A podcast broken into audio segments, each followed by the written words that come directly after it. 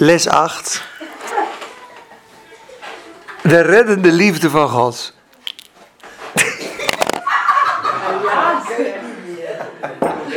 Oh, heerlijk. Ja, die komt niet meer goed. Ja, dit komt meer goed. Heerlijk. Halleluja. Lekker de joy of the Lord. Jongens, goedenavond. Als je denkt van, eh, ik heb ook een hele mooie achtergrond gekozen op Facebook. Kijk, ik heb, ik heb een mooie... Ze denken dat ik... Ik ben een landlord, zegt mijn vrouw altijd. Maar hij heeft nog geen kasteel. Hij loopt erbij, is een landlord, maar hij heeft nog geen kasteel. Maar het kasteel komt eraan, jongens. Goedenavond, we zijn er.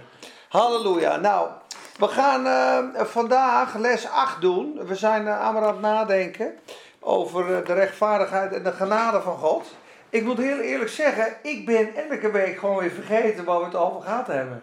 Dan ben ik aan het voorbereiden. Denk ik, hebben we het er vorige week over gehad? Dus dan ben ik aan het terugscrollen. denk ik, ja, hoop, genade, kracht, liefde. Maar uiteindelijk ehm, is herhaling ook gewoon heel goed. Want, ehm, nou ja, goed, aan het begin, dat weet Ramon ook aan het begin van de zomer, las ik die tekst in de Amplified vertaling, die Romeinen 4, vers 25. En daar staat, eh, eh, die overgeleverd is om onze overtredingen en opgewekt om onze rechtvaardigmaking. Maar in het Amplified staat het eigenlijk mooier. Who was delivered up for our offenses, of offenses and raised again to secure our justification. Toen denk ik, dat is mooi, om onze rechtvaardigmaking veilig te stellen. Dat staat er eigenlijk. Dus ik was er een beetje over aan het nadenken op mijn werk. Ik denk, ja, hij is overgeleverd voor mijn overtredingen. Dat betekent dat mijn overtredingenprobleem is opgelost. Mijn overtredingprobleem is gewoon opgelost. En mijn zondeprobleem is opgelost. En mijn rechtvaardigheidprobleem is ook opgelost. Want het is gewoon geregeld. Ik denk, dat is een mooie basis. En dat is eigenlijk de, de inleiding voor deze lessen. Dus ik dacht vandaag, het is wel goed om terug te gaan naar dat punt. Om de lijn te leggen. En Romeinen 4 hebben we al een keer licht behandeld. Maar we willen dat nog een keer doen. En dan gaan we straks kijken waar het gaat, uh, heen gaat. Want de rechtvaardigmaking is de juridische legale legal side van de verlossing. dus dat je, Andrew Murray zei dat een keer, ja, het kan zo zijn dat jij een hele goede advocaat hebt in de rechtbank, die jou van drie moorden vrij pleit, ja, maar je moet hem wel betalen. Dat hoeft niet je vriend te zijn, die hoeft ook niet van je te houden. Die heeft het wel allemaal voor je geregeld, je gaat vrij uit, maar ja, verder heeft hij niet zoveel met je. Maar Gods redding is gebaseerd op zijn liefde voor ons. Uit liefde deed hij dat. Uit liefde heeft hij zijn zoon gegeven. Uit liefde heeft hij ons vrijgepleit en vergeven. Ik was ook wel eens bij Ari in zijn, in zijn uh, uh, studeer- of spreekkamer. En toen zei ik ook, weet je wel, dit en dat, zus en zo. En toen zei hij daarna, ja, en precies. En dan moet je erachteraan zeggen, en dat deed hij omdat hij van mij hield. Want dat al die letters is mooi en al die vergeving is mooi, maar hij deed het omdat hij zo van je hield. En de liefde die daarachter zit, daar willen we vanavond naar kijken. We zijn vergeven, we zijn gerechtvaardigd, maar we zijn ook intens geliefd. En ik hoop jullie geloof op te bouwen vanavond en we zullen zien waar we het schip strandt. Want ik heb veel dingen voorbereid en uh, ik weet ook niet hoe ver we komen, maar uh, we gaan het meemaken. Hé hey, Meppelen! Meppel is er ook. We beginnen weer met een proclamatie. Deze komt uit Romeinen 4, vers 24 en 25. En daarvoor staat dat Abraham, hoewel de baarmoeder van Sarah verstorven was, en zijn eigen lichaam ook, heeft niet door ongeloof getwijfeld aan de belofte, maar is gesterkt geworden in het geloof ja, en heeft tegen hoop op hoop geloofd. Want hij was ten volle overtuigd dat God bij machten was te doen wat hij beloofd had. En toen Abraham door God geroepen werd, was het in een droom. In een slaap. Lees maar eens in Genesis 15. Weet je hoe hier het allemaal zo... Hij slaapt. De Heer deed een diepe slaap over hem komen. En in die slaap krijgt hij een visioen. En de Heer neemt hem naar buiten. Dus hij is aan het slapen, dus hij doet niet veel. En de Heer zegt, kijk, dit zijn de sterren van de hemel. En dit is het zand der zee. Zo zal uw nageslacht zijn. En Abraham geloofde God, vertrouwde op God. Ja, en het werd hem tot gerechtigheid gerekend. Dat is de, de, de grondtekst van rechtvaardiging. Dat is Genesis 15, vers 6. Het werd hem tot rechtvaardigheid gerekend. En er staat er, en het werd het niet, hem niet alleen hem tot rechtvaardigheid gerekend, maar ook ons. Als wij geloven in hem, kijk, namelijk ons, die geloven in hem die Jezus uit onze Heer uit de doden opgewekt heeft, die om onze overtredingen is overgeleverd en opgewekt om onze rechtvaardigmaking. En het woord om is niet goed vertaald, want er staat eigenlijk toen wij gerechtvaardigd werden. Door, die om onze overtreding is opgewekt of overgeleverd en opgewekt vanwege onze rechtvaardiging. Op het moment dat wij gerechtvaardigd werden, is Jezus opgewekt. En dan gaan we straks zien, dat is het bewijs dat God zei, hey, alle zonden waren op Jezus gekomen, hij is zonde geworden. Alle zonde, alle besmeuring, hij is gestraft als zondaar. Hè? Hij is zonde geworden, Jezus. Hij is in de dood gebracht. Op het moment dat hij Jezus opwekt, is het bewijs dat voor God de rekening volkomen betaald is. Anders had hij Jezus in de dood gelaten. Dus Jezus werd zonde met jouw zonde, dus die is pikzwart. Dat brengt hij in de dood. En Jezus wordt weer opgewekt. Hij was dood, hij was zonde. Waar is de zonde gebleven? Waar is de zonde gebleven? Die is geoordeeld in Christus. En hij wordt opgewekt. En Kenyon zegt, hij maakte Jezus re-righteous, zegt hij. Want hij was rechtvaardig, maar hij werd zonde. En daarna is hij opgewekt tot de heerlijkheid des vaders. Om zonder zonde gezien te worden in de hemel. Dus er is iets gebeurd in dat graf. Er is iets gebeurd in die drie dagen. Waardoor alle zonden en alle straffen en alle macht en alle vloeken gebroken zijn. En toen God zei: hé, hey, de prijs is ten volle betaald dan wek ik je op uit de doden. En het feit dat hij opgewekt is, betekent dat God zegt: Ik aanvaard het offer. Ik haal je uit de dood vandaan. Alle zonde is nu geregeld. En iedereen met hem opgewekt is zo schoon en zo zuiver en zo rechtvaardig als Jezus. Moet je eens nagaan hoe Jezus de hemel binnengekomen is. Die komt natuurlijk binnen als overwinnaar. Met het bloed van het eeuwige verbond. In die hemel krijgt hij een staande ovatie. Want Jezus heeft overwonnen. Jij met hem. Moest nagaan dat wij nu voor God staan. Dat de engelen die klappen en die juichen. Want je bent volkomen gerechtvaardigd in Christus, met Christus. Dus je hebt een staande ovatie boven. Dat noemt hij ook, de, als je rechtvaardigheid gepakt hebt, zegt hij, is het de ability, ik zeg het even in het Engels, to stand in the Father's presence without the sense of guilt, inferiority, weakness, fear or any such thing. Dus het is de, de, de bekwaamheid die God je geeft om in Gods tegenwoordigheid te staan zonder een spoor van angst, schuld, minderwaardigheid of twijfel. Dus in volle vrijmoedigheid voor God staan. Dat is eigenlijk wat rechtvaardigmaking is. Dus zo rechtvaardig als Jezus, zo staan we daar nu. Als je het werkelijk beseft, dan moet je blij worden. Dan komt de zegen en vrede en dan denk je, ja, maar dan ben ik dus echt, ik ben niet alleen vergeven, ik ben gerechtvaardigd, ik word ook nog gehuldigd. Ik word hier gehuldigd en ik heb niks gedaan. Het is mij aangerekend wat hij gedaan heeft. Al zijn rechtvaardigheid is op ons gekomen, dus daar begint hij mee. En dat ontvangen wij, zegt hij, op het moment dat we tegen God zeggen, u heeft het beloofd, ik geloof het. En dat zei Abraham ook. U heeft het beloofd. Ik word nazaad. Ik, ik zie het niet. Zeg geen baalmoeder meer. Uh, ik heb het vorige keer al gezegd. Hè? Jaapie deed het niet meer. Ze deden niet meer naar de man en de vrouw. En toch geloofde hij. Dit kan niet. Dus het moet bovennatuurlijk geweest zijn. Hij kon geen kinderen meer verwekken. Maar God had het gezegd. Hij heeft aan de belofte niet getwijfeld. Maar is gesterkt in het geloof. En heeft gezegd dat God zou doen wat hij zou doen. En dat is hem gerekend tot gerechtigheid. En niet alleen aan hem, maar namelijk ook aan hen die geloven in God, in hem die Jezus, onze Heer, uit de doden opgewekt heeft. Dus die gaan we proclameren en dan gaan we beginnen, ja?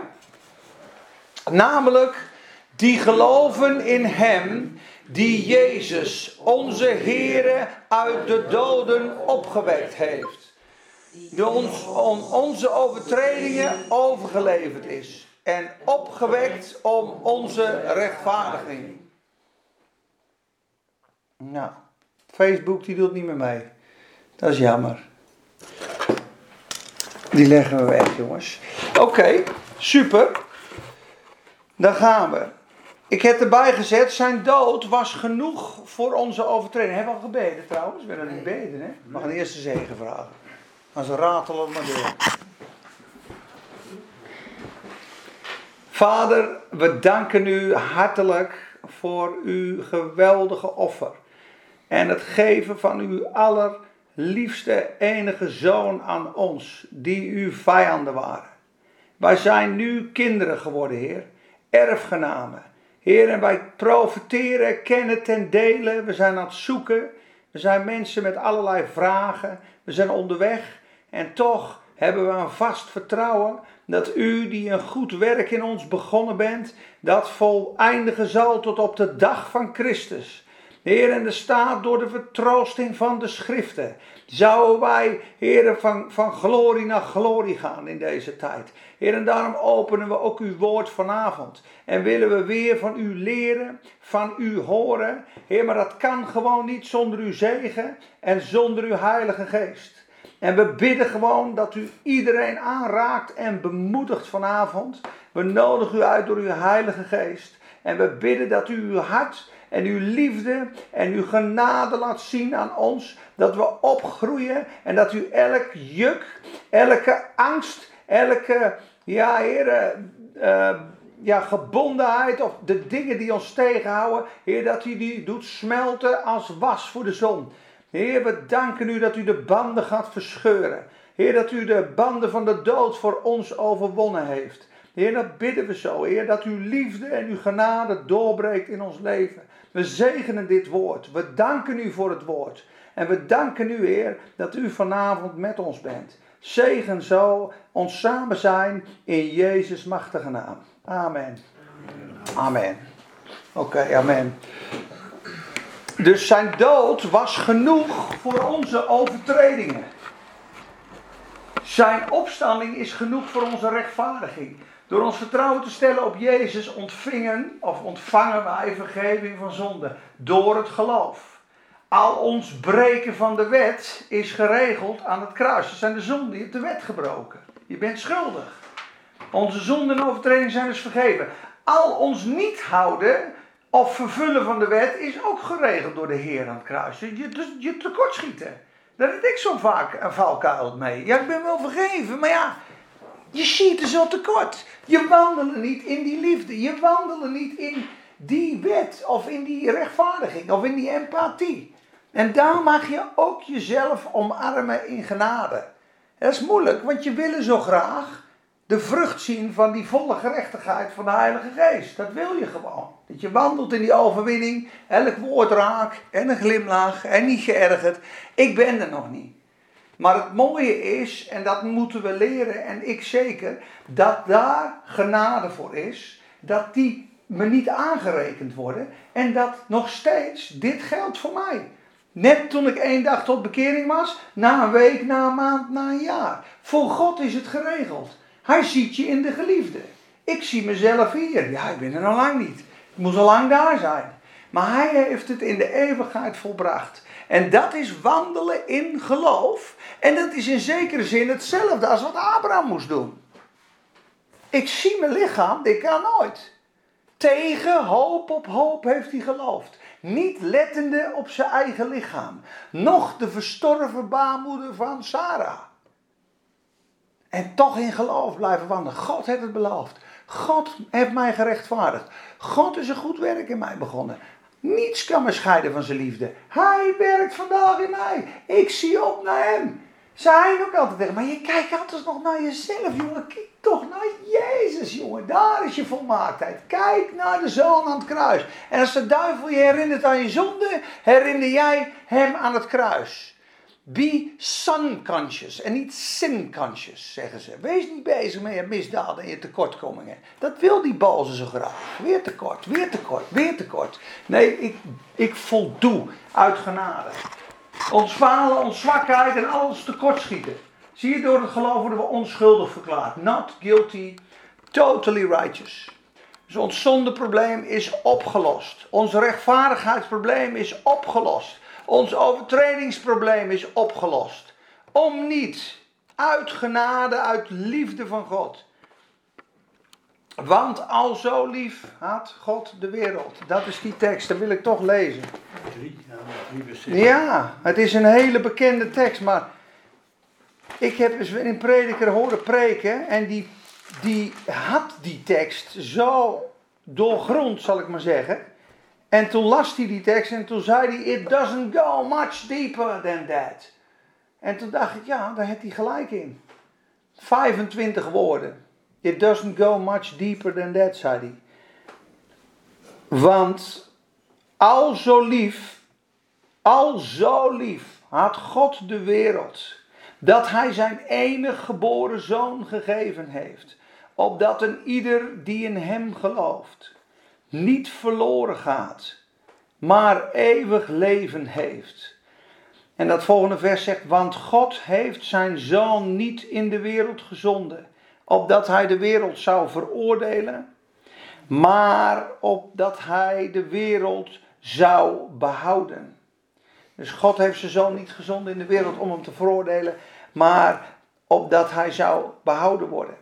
Maar het feit dat God, en dat is onbegrijpelijk voor mij in ieder geval, om te, om te, uh, ja, te bevatten, dat je je eigen zoon geeft voor een vijand. Wij hebben dat niet meegemaakt. Ik, ik, ik omarm het maar in geloof, omdat de Bijbel het zegt. Maar ik kan me niet indenken dat ik Joas moest offeren ja, voor een vijand.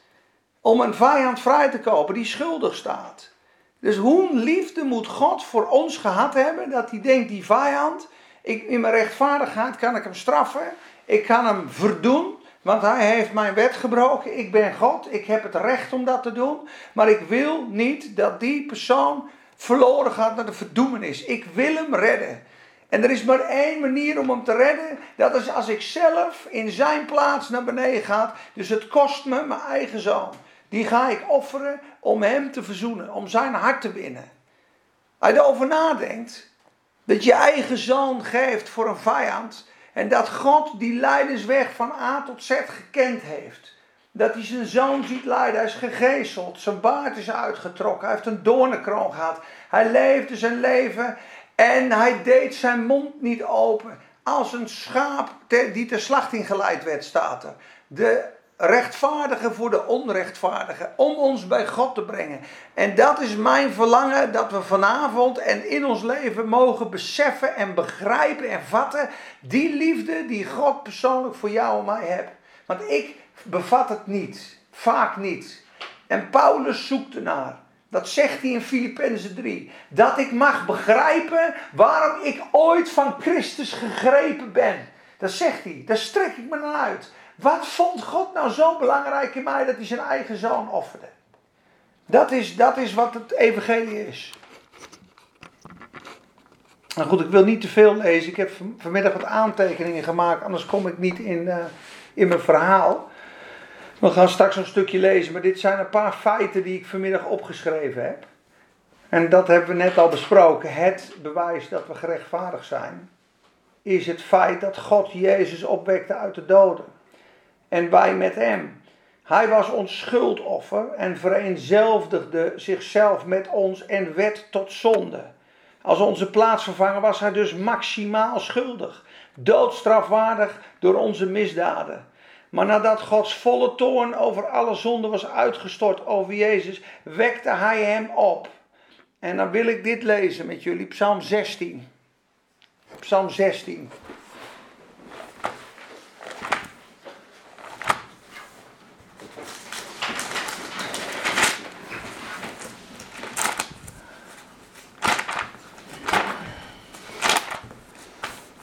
Psalm 16. Dit wat je nu gaat lezen, is een van de allerdiepste psalmen van de Bijbel. En dit is Jezus die in het graf, dus waar we net over gesproken hebben, hij is gekruisigd.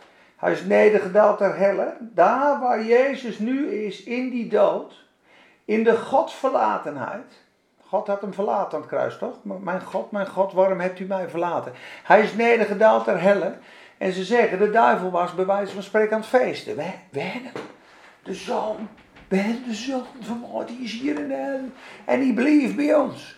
En Jezus had in Gethsemane angst, zweet en tranen. Dat, dat, dat zingen we, bloed, zweet en tranen. Dat, dat lied, dat komt uit Gethsemane. Hij, hij zweette druppels als van bloed. Want hij was zeer bedrukt en zeer beangst. Die zonde macht last werd op hem gelegd. En mijn ziel is bedroefd tot stervens toe. Bid en waak met mij een uur, zegt hij. Het is te zwaar voor me. En hij bidt, Vader, indien het mogelijk is, laat deze beker aan mij voorbij gaan. Niet mijn wil, maar uw wil. Maar ik wil dit niet. Ik kan dit niet. Het is te zwaar. En hij moest het in geloof doen. Want Jezus wist ten diepste niet, zei hij postman keer, ten diepste niet of God hem überhaupt wel op zou wekken. Want hij moest alle zonden dragen van alle mensen. Alle zonden. En zelfs dat het Joodse volk zijn eigen volk hem verworpen had. En de banden van de dood en de angst van de dood werd op hem gelegd. En alle zonden. En hij begint te beven. En de angst komt. En ik heb gelezen in de encyclopedie. Als je angst op angst op angst op angst hebt. Wordt de druk zo groot dat je bloed gaat zweten. Dan, komt je, dan sta je onder zo'n druk. Dan begin je bloed te zweten. Dat is echt abst, abst, abnormaal zwaar. En in die bloedstrijd bidt Jezus. Maar niet mijn wil, maar uw wil geschieden. Dan krijgt hij genade. Engelen komen bij hem en dienen hem. En hij wordt rustig. En zegt, zij die zijn hand bij mij verraden is, is aanstaande. En dan komt Judas met zijn kus en hij is rustig, hij draagt het. Hij houdt zijn hoofd als een keisteen en antwoordde hen niets. Zodat zelfs Pilatus zei, Hoor je niet wat ze allemaal tegen je zeggen? Zoveel beschuldigingen en hij antwoordde hen niets. Als een schaap ging hij de slachting en deed zijn mond niet open. Toen hebben ze hem gegezeld en gekruisigd. En toen is hij nedergedaald in de hel. En iemand zal laatst zeggen, maar het enige wat Jezus had, was het woord van God. Het woord van God. En hij is in het dodenrijk. En dan komt Psalm 16 en dan leest hij dit, jongens. Dan leest hij dit. Vers 8. Ik stel, dan zegt hij dit, is, dit is Jezus hè, in het graf. Ik stel mij de Heere voortdurend voor ogen. Omdat hij aan mijn rechterhand is, wankel ik niet. Daarom is mijn hart verblijd en mijn eer verheugt zich. Ook zal mijn lichaam veilig wonen. En dan komt hij, kijk, want u zult mijn ziel in het graf niet verlaten.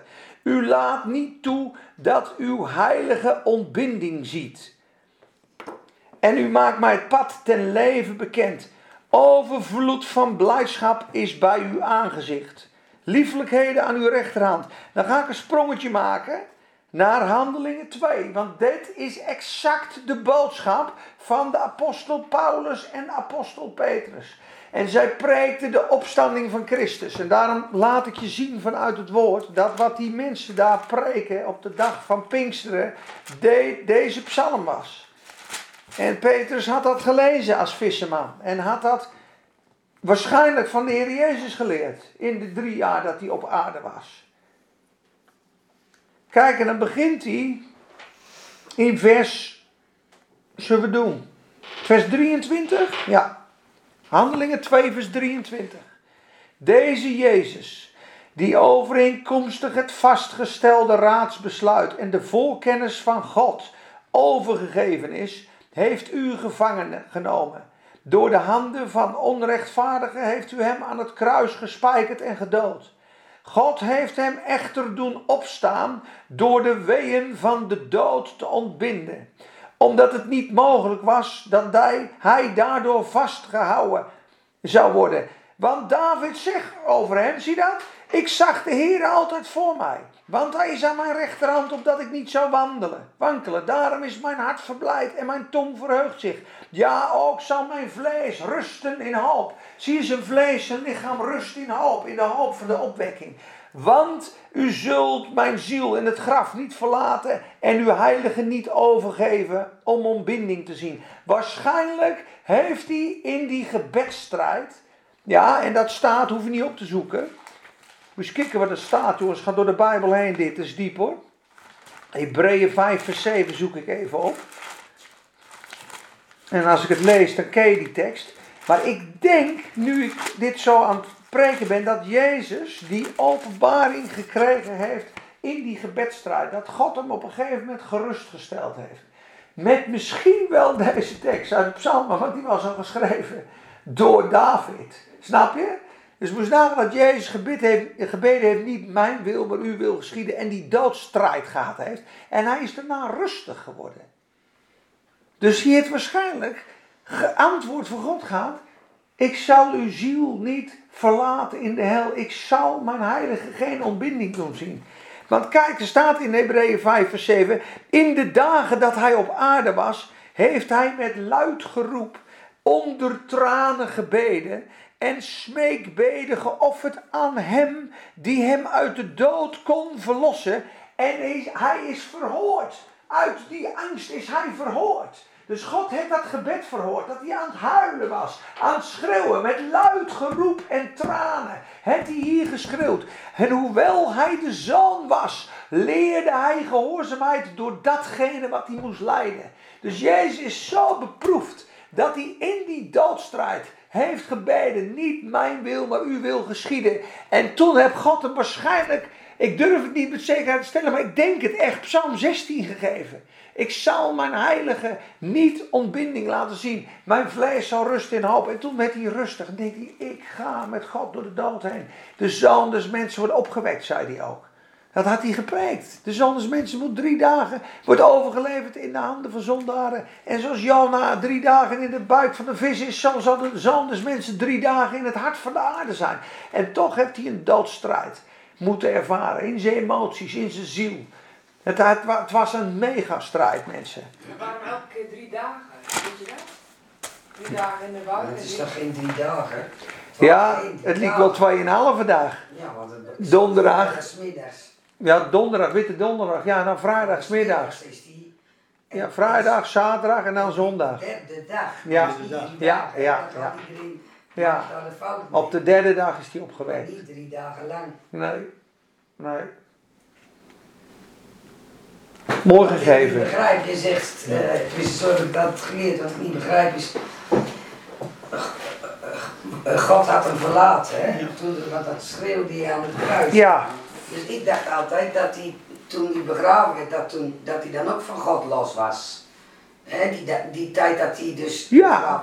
Maar, maar nu, toen hij daar aan bidden was, kreeg ik dat antwoord, zeg jij... In de tuin van Gethsemane. Ja, van Psalm 16. Ja. Dat hij zegt, ik laat je niet... Ja. Zit je net te ja. Dus dat, ja, maar goed, dat kan toch dat in Gethsemane bidt hij, hè? Niet in het graf? Nee, weet ik, ja? maar dat, dat hij hem niet zal verlaten. Ja? God zal hem niet verlaten. Nee, ik zal mijn ziel niet in de hel laten. Ik zal jouw ziel niet achterlaten in de hel. Ja, ik zal je niet in het dodenrijk laten. Ik zal je weer opwekken. Snap je? Kijk, hij zegt, maar God, maar God, waarom heeft u mij verlaten? God moest zichzelf afkeren van Jezus. Daarom werd het ook donker. En de toren van God kwam op hem. Daarom zegt Jezaja 52 dat hij er niet eens meer uitziet als een mens. Zo verwond, zo verminkt was, was hij dat hij niet eens meer het gestalte van een mens vertoonde. Dus ze zeggen dat Gods toorn op hem kwam en dat hij daarom ook zegt, mij dorst. Het vuur van God komt op hem. Want ze aten een geroosterd lam toen ze uit Egypte gingen. De roasted lamb, de burned lamb. Dus het oordeel van God, het vuur van God is ook op hem gekomen. Mij dorst. Hij is helemaal met, met die edik, met die doornenkroon. Het is, God heeft al zijn woede en toorn en boosheid op de zonde op Jezus gelegd. De liefdevolle God moest oordelen. Want u zult mijn ziel in het graf niet verlaten. U zult mijn ziel in het graf niet verlaten, ja. Die zin. Ja. Ja. Maar goed. Het, er staat in de Hebreeën, hij heeft door de geest de dood gesmaakt voor ons. Door de Heilige Geest. Dus of de Heilige Geest met hem meegegaan is, maar de Vader en de Zoon zijn gescheiden. Want hij zei, mijn God, mijn God, waarom heeft u mij verlaten? Dus, maar goed, dat maakt verder niet uit. Sommige mensen ook die hebben een discussie over het oor van Malchus. Was het oor er nou af? Het Jezus hem eraan geplakt? Of heeft Jezus een nieuw oor gecreëerd? Weet je wel? Dan kreeg ik met, met Wim een keer een discussie. En dan een half uur lang. Ja, maar dat staat er niet. Misschien heeft hij me gecreëerd, dat oor. Ja, je kan hem er ook weer aan plakken. Ja, goed, dat, dat binnen een paar details laten we die misschien even overslaan. Maar wat ik wil laten zien is, Jezus had angst, is in het graf gegaan, is opgewekt.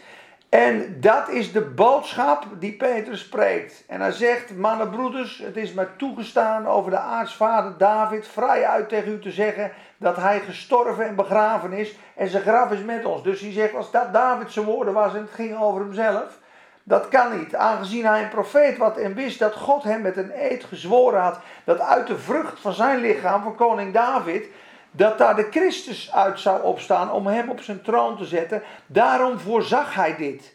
Ja, dat is 15, 1500 jaar voor het kruis, schreef David.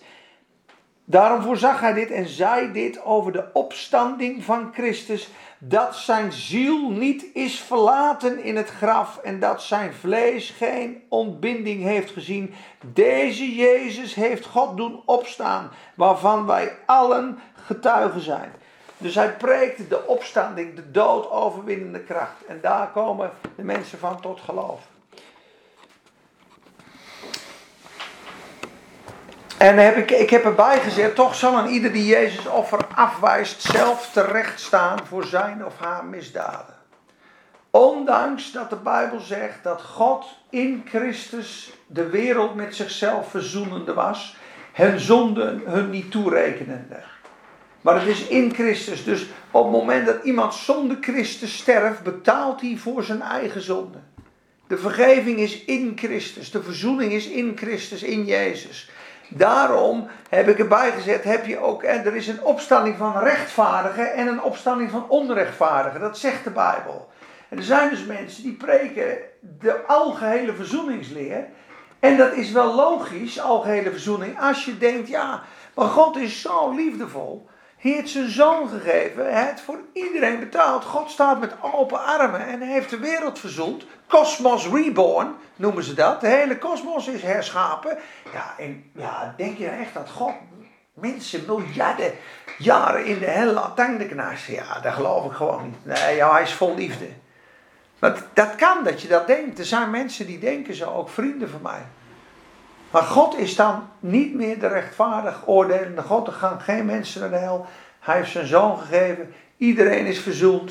Er kwam zelfs een vrouw naar me toe op een conferentie. Ik zei, Hitler ook dan? Ja joh, Hitler ook. Die komt straks de hemel en dan zegt hij, kijk eens, ik heb een lekker bedje voor je gemaakt. Het is allemaal goed, ik heb betaald voor je. Je wist het niet, maar hier... Ik zei, ja, ja, ik zeg maar dat is niet de Bijbel. Dat staat er niet. Er staat in het boek Openbaring dat er de grote en de kleine geoordeeld worden naar wat in de boeken geschreven is. En het oordeel is wel zeker daar. En ieder die Christus afwijst, zal zorg dragen voor zijn eigen pak en valt onder het oordeel van God. Dus er is een opstanding van rechtvaardigen en een opstanding van onrechtvaardigen. Dan schiet mij nog een tekst te binnen. Ik weet niet of jullie wat hier aan hebben, of het allemaal basis is, maar. Daniel 12. In die tijd zal uw volk ontkomen. Ieder die gevonden wordt, opgeschreven in het boek. En vele van hen die slapen in het stof van de aarde, zullen ontwaken. Sommigen tot eeuwig leven. Anderen tot smaad en eeuwige afgrijzing. De verstandigen zullen blinken als het glans van de hemel. En zij die vele mensen rechtvaardig maken, dus die preken voor het evangelie en anderen rechtvaardig maken, Als de sterren zullen zij stralen. Voor eeuwig en altijd. Maar er staat dus, er is een opstanding die in het stof van de aarde liggen. Dat zijn degenen die gestorven zijn, zullen straks opgewekt worden. Sommigen ten eeuwige leven en anderen tot eeuwig afgrijzen. Dus geloof, geloof mij echt, er is een oordeel over de goddelozen. En kijk, en, en daarom krijg je ook op mensen, dat mensen de algehele verzoening geloven, gaan ze ook het boek Openbaring afwijzen. Want dat past niet meer in die theologie. En dan zeggen ze, ja, nee, dat boek Openbaring is al gebeurd. In 70 na Christus. Toen was er Jeruzalem vertrapt en toen uh, al die aardbevingen. Ik zeg, oh, die aardbevingen ben ook al geweest. Een derde van de mensen, een derde van de sterren, een derde van de zee. Het, het water in bloed, wanneer is, wanneer is dat geweest dan? Ja, dat was toen en toen en toen. Maar het past niet meer in hun plaatje dat God straks de wereld gaat oordelen. Want hij komt terug om de wereld te oordelen. En dan krijg je dus de futuristen, dat noemen ze dan mij. Jij gelooft nog dat dat allemaal moet gebeuren. Ja, dit, de preteristen, dat zijn mensen die het is allemaal al gebeurd. Het, het preterisme. En dan krijg je een dwaling. Want God oordeelt niet meer. Dat heeft hij allemaal al geregeld. Er is geen oordeel meer. En het wordt allemaal mooi op aarde, hè? Het wordt allemaal mooier hier, straks. Ja, het grote vrederijk gaat komen. Totdat alle zeven continenten onder onze heerschappij en onze vrede zijn. En dan dragen wij dat over aan de Heer. Terwijl de Bijbel zegt, het wordt alleen maar aardiger en aardiger. En het zal zijn als in de dagen van Noach. Als in de dagen van Lot. En de mensen zullen de dood zoeken en niet meer kunnen en, en, en, en hem niet vinden. Dus er gaat wel zeker wat gebeuren. Maar voor hen die hun vertrouwen op Christus hebben gesteld, dus niet. Klaar. Wij zijn veilig in Jezus. En daarom moeten we bidden dat we velen tot rechtvaardiging mogen brengen. Want dat is gewoon het geweldigste wat we kunnen doen. Mensen uit de klauwen van de Satan trekken. Uit het duister naar het licht. Zeg, die preteristen van, uh, van de zeven jaar verdrukking, de grote verdrukking, ontkennen ze dat ook? Ja, volgens mij wel. Ja. Ja. Ik ben er niet helemaal thuis en ik hoef er ook niet thuis in te zijn, maar ik weet wel dat ze die teksten afwijzen omdat ze uh, geloven in eigenlijk een verzoening van God. Maar het oordeel is op dit moment over de wereld, en dat kun je heel makkelijk lezen in Johannes 3, vers 36. Wie gelooft in de Zoon heeft eeuwig leven. Wie de Zoon van God ongehoorzaam is, dus niet in hem gelooft, Gods toorn blijft op hem. Er staat er, Gods toorn blijft op hem. Dus de toorn van God ligt op de wereld op dit moment. Zijn rechtvaardige toren. Alleen zijn barmhartigheid ja, wil die mensen redden. En hij biedt dat aan. God, van Gods kant is er al verzoening. Van Gods kant is de zonde zijn al betaald. Daarom kunnen wij preken tot de wereld. Je zonden zijn betaald. Je zonde ben vergeven. De weg naar God is volkomen vrij. Hij staat met open armen te wachten. Kom tot God. Laat je met God verzoenen. Hij laat je afwassen van je zonde. Die heeft een nieuw hart en een nieuw leven voor je. Kom tot hem. Hij staat klaar voor jou. Er is nooit niks meer wat tussen jou en God in staat. Hij heeft het volkomen gedaan. Dus Gods, Gods hand ligt er al. Maar ze moeten die hand pakken. Want het oordeel komt op degene die niet in Christus geloven. Dat zegt Johannes 16 heel duidelijk. De rechtvaardige voor de onrechtvaardige. En nieuwheid des levens. Hmm, dat is ook een moeilijke. Slaan we even over.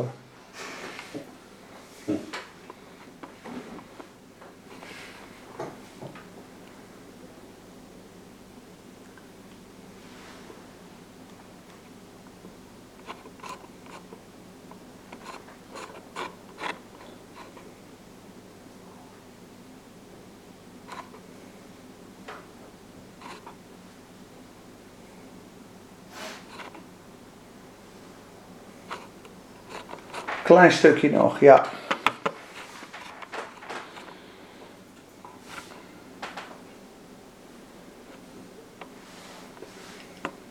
Ik zit te denken of we dit gaan lezen of dat we dit overslaan. Wat ik eigenlijk aan wil stippen is vers 4 en vers 5. Wat er staat hier in vers 4 en vers 5 is eigenlijk eigenlijk, nee, dat is de allerdiepste, allerkrachtigste tekst op het gebied van gerechtigheid. Die wil ik jullie gewoon niet onthouden in deze les. Ja, ik die overslaat, dan denk ik, je, je doet het niet goed. Dit is zo ontzettend tegennatuurlijk wat hier staat. Want Gods gerechtigheid is een geschenk aan goddelozen. Dat kan je niet bij met je hoofd. Dit is niet eerlijk, zou je zeggen. Want kijk, immers, we hebben over Abraham gelezen. Wat zegt de schrift? Schrift? Abraham geloofde God en het is hem tot gerechtigheid gerekend. Aan hem nu die werkt, die zijn best doet, wordt het loon niet toegerekend naar genade, maar naar wat hem verschuldigd is. Bij hem echter, die niet werkt, dus je doet niks je best voor God. Je probeert je niet rechtvaardig voor God te maken. Maar je vertrouwt in Hem. Die de goddeloze rechtvaardigt. Moest nagaan, je bent goddeloos. Je kan niks toevoegen aan je redding. Je kan niks doen om God te behagen. Alle religies op aarde zeggen, joh, vijf keer bidden. Een goed gedrag. Ik ben toch een goed mens? Ik doe geen fouten. Ik houd de tien geboden uit mezelf. Die hij ook. Je hebt zoveel geloven die allemaal iets doen om het met God in orde te maken. En het evangelie is totaal anders. Ik ben totaal goddeloos. Ik sta totaal schuldig. Ik kan niks toevoegen aan de genade. En toch rechtvaardigt God mij op grond van Christus uit genade om niet. En dan kan je dus hier de tackle maken dat Satan je nooit meer aan kan klagen op je gedrag. Want je bent gerechtvaardigd als goddeloze. Dus op het zwartste punt van je leven, toen je een hater van God was, ben je gerechtvaardigd door God. Ben je aanvaard door God. Die de goddeloze rechtvaardigt, wordt zijn geloof gerekend tot gerechtigheid. Dus om niet. Zoals ook David de mens zalig spreekt aan wie God gerechtigheid toerekent zonder werken. Welzalig zijn zij van wie de ongerechtigheden vergeven zijn en van wie de zonden bedekt zijn. Kijk eens naar vers 8. Welzalig is de man aan wie de Heer de zonde niet toerekent. Dus je zondigt en de Heer rekent het niet toe. Op wettische basis sta je schuldig, maar Gods genade is groter dan de zonde. Dat wil hij laten zien in Romeinen. Komt het ook niet door uh, wat in Jacobus staat dat uh, de geloof zonder daden is een doodgeloof? Zeker. Kijk, op het moment dat je werkelijk gelooft dat je rechtvaardig bent, dan ga je daarnaar handelen. Dus een bewijs dat je gelooft dat je rechtvaardig bent, is dat in je wandel te zien dat je bidt tot God, dat je spreekt en dat je een overwinnend leven krijgt vanuit de kracht van de Heilige Geest. Het moment dat je onder de wet blijft leven en in eigen kracht blijft leven, ga je niet tot bloei komen. Dus Abraham zegt ook voordat hij Isaac gaat offeren, lees maar eens in Genesis, wij komen hier straks terug, zegt hij. God zegt, offer uw zoon op de berg. Vroeg in de ochtend ging hij. En hij zegt tegen zijn dienstknechten voordat hij de berg op gaat, wij komen straks met z'n tweeën hier terug. Hij geloofde dat Isaac uit de doden terug zou komen. Dat was zijn geloof, had daden. Want hij geloofde, God heeft mij een erfgenaam beloofd. Ook al moet ik hem offeren op die berg, ook al moet ik hem met dat mes doodsteken, dan zal God hem opwekken. Dat had hij in zijn hoofd, dat staat in Hebreeën. Dus hij had een gigantisch geloof in God. God heeft beloofd, ik krijg nakomelingen. God beproefde zijn geloof. Abraham, nu weet ik dat gij de Heere vreest. En er werd een... Is het al nu hier? Ja, ja, 12 uur. Nee, ja. Kijk, ik vond hem in de Passion Translation zo mooi. No one earns God's righteousness. Staan ze hiervoor? Is dit een uh, schietpartij of een uh, maat? Ja, het is een maat. Je ziet het, ik kan niet zien waar het vandaan komt. Misschien Lim. Die heeft nu weer een kistje opgehaald. Even uit, even uit meer hou van jou! Ik denk dat het 12 uur waardig is. Ja. ja. Ik denk dat, dit is niet goed, toch? Dit is vrij Spakenburg, dat is uh, als een feestavond. Ja, ja. Oh, ja. Het is derby. Ja, allebei, hè, nu. Ja, derbyavond. Is het derby? En dat in de avond. Sander, Een ja. beetje een, een, een opwarmavond. Ja. Opwarmen. Dat is gewoon, dat is gewoon een beetje extra geld in de kamer. Deze avond is een soort wit donderdag. Voor de opstanding. Maar goed, en we gaan nog een klein stukje door, dan stoppen we. No one earns God's righteousness. It can only be transferred when we no longer rely on our own works, but believe in the one who powerfully declares the ungodly to be righteous in his eyes. It is faith that transfers God's righteousness into our account. Dat is een mooi hoor in de Passion Translation. Vind ik heel mooi. It is faith that transfers God's righteousness into our account. Net zo rechtvaardig als God. Daar begint ons geloof. Daar hebben we nu een keer of tachtig behandeld. De laatste acht lessen. Dus we gaan nu verder met ons leven en de liefde van God. Dit alles omdat Hij ons zo lief heeft. Dat heb ik net al een beetje verteld. De juridische kant is geregeld. Maar ook de verzoenende, liefdevolle kant. Omdat ik u zo lief heb. En in Spakenburg, omdat ik je zo lief heb. Ik heb bijgezet, kijk, zie je, dat was een typfout vanmorgen. Al zo lief het God de Vader. Genade is de overvloed die uitvloeit uit zijn barmhartigheid. Die is zo groot, zo oneindig, Gods barmhartigheid. Bovenop die vergeving en die verzoening die wij hebben, overlaat Hij ons met liefdesgaven, zegeningen en geschenken. Spurgeon zegt dat is juist het bewijs dat we volkomen vergeven en gerechtvaardigd zijn. God heeft niets meer, houdt niets meer tegen ons. Het is ook niet half vergeven dat je nu weer punten moet scoren. Je bent totaal vergeven, aanvaard zijn erfgenaam. En dan heeft hij bijgezegd, kijk eens hier heb je mijn ring, hier heb je mijn gaven, hier heb je mijn talenten. Hier heb je alles. Je bent mijn zoon en mijn dochter en mijn erfgenaam. Alle zegeningen in de hemel heb je erbij. Alle gaven van de geest heb je erbij. En mijn gezag en mijn naam. En je bent een deel van mij geworden. En je bent volkomen gerechtvaardigd. Dat is de, de grote zegen die over ons gekomen is. Nu zijn wij zijn kinderen, zijn erfgenamen. Zijn liefde gaat maar door en door. Eeuwig, onveranderlijk en vol van goedheid. Dat staat in Efeze 7. Dat is de laatste tekst. En dan lees ik nog, nee, nog één laatste tekst. En dan lees ik nog één tekst uit 1 Johannes. Er zijn veel teksten vanavond, maar ik eh, denk dat het goed is. Boven Efeze 2 staat: Uit genade ben je zalig geworden, uit genade ben je gered. En ik ga lezen, ja, ik ga het gewoon helemaal lezen. Ik ga lezen van vers 2, of vers 1 tot 10, ja, van Efeze 2. Hier ga je gewoon mooie dingen leren. Ook heeft God met Jezus levend gemaakt. Hij heeft ons met hem levend gemaakt.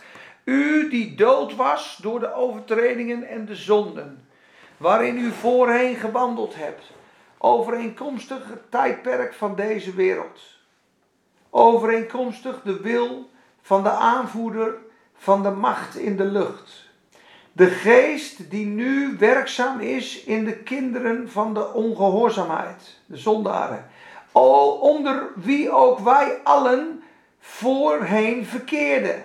We waren in de begeerte van ons vlees door de wil van het vlees en de gedachten te doen. Want wij waren van nature kinderen des toorns, staat er. Children of wrath. Even as the others, evenals de anderen.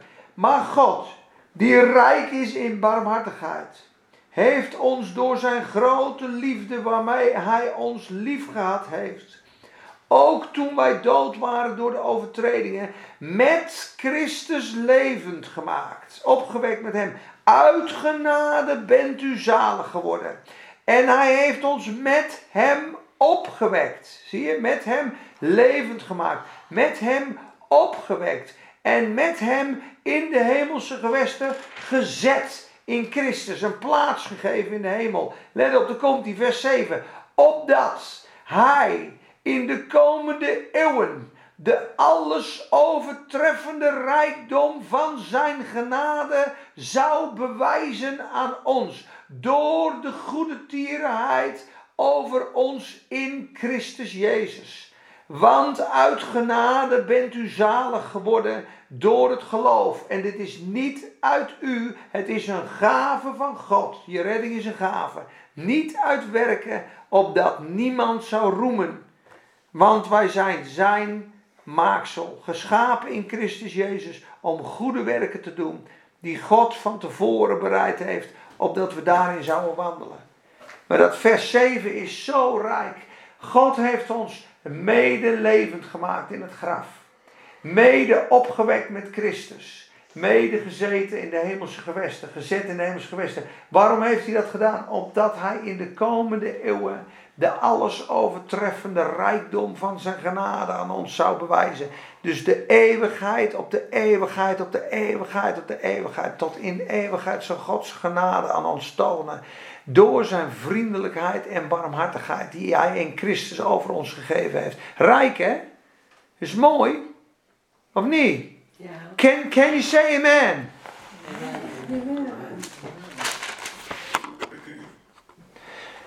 Mercy, barmhartigheid. We hebben in het Engels hebben we twee woorden. Hier hebben we één woord in Nederland. Dat is genade. In het Engels staat er mercy and grace. And mercy is not getting what you deserve. Mercy is je bent schuldig. Maar ik vergeef je en je krijgt geen straf. Ik verleen jouw genade, zeggen wij. En nu geef ik jou genade, maar dat is, dat is één woord in Nederlands. Maar als iemand merciful toen jij, aan jou is, je hebt gestolen, je hebt mijn kind geslagen. Ik vergeef jou, ik reken jou het niet aan, dat is mercy. Maar grace is krijgen wat je helemaal niet verdient. Dus ik ga je nu ook nog wat geven waar je helemaal niet verdienen. Want je bent een vijand. Dus hier rij een ton, hier rij mijn bediende, hier rij mijn naam, hier rij mijn stempel, hier rij mijn pas en mijn creditcard. Dat geef ik je uit genade. Dat is, heb je totaal niet verdiend. Dus mercy is geen straf krijgen. Genade is krijgen waar je niks aan verdiend hebt. En dat is Gods goedheid over ons. Ja, en ik kan er nog veel van zeggen, maar ik vind het goed zo. Ik wil het hierbij laten. Ik hoop dat jullie er wat aan gehad hebben. Zijn er nog vragen, opmerkingen? Nou, net toen jij zei van, uh, van Joas zou moeten opofferen, toen kreeg ik toch één gedachte en als je dat leest dan lopen de koude rillingen over je rug, dat mensen en kinderen aan Moloch offerden. Ja. Dus wat verwachten ze eigenlijk daarvan? Ja. Ja, ja. en nog. Er worden nog kinderoffers gebracht door satanisten. Ja, en heel erg op het moment, hè. Ja? Op het moment dan. eh, Nou, die, al die, eh, veel, eh, Met dat Halloween of zo? nee, met veel eh, mensen, die, bekende mensen, hè. wereldsterren en alles. Hmm. Ja, ik komt er dat, dat, hoe heet dat? zal mij niks verbazen hoor. bij die kinderen komt dan een stof los. Dat heet puntje, puntje, green, green. Hmm. En dat, dan kun je, word je jonger door. Ja, de angst, de extreme angst. Ja, de dat extreme klopt. angst, Ja, dan dat komt er stof dat, vrij en dat gebruiken al die Om jong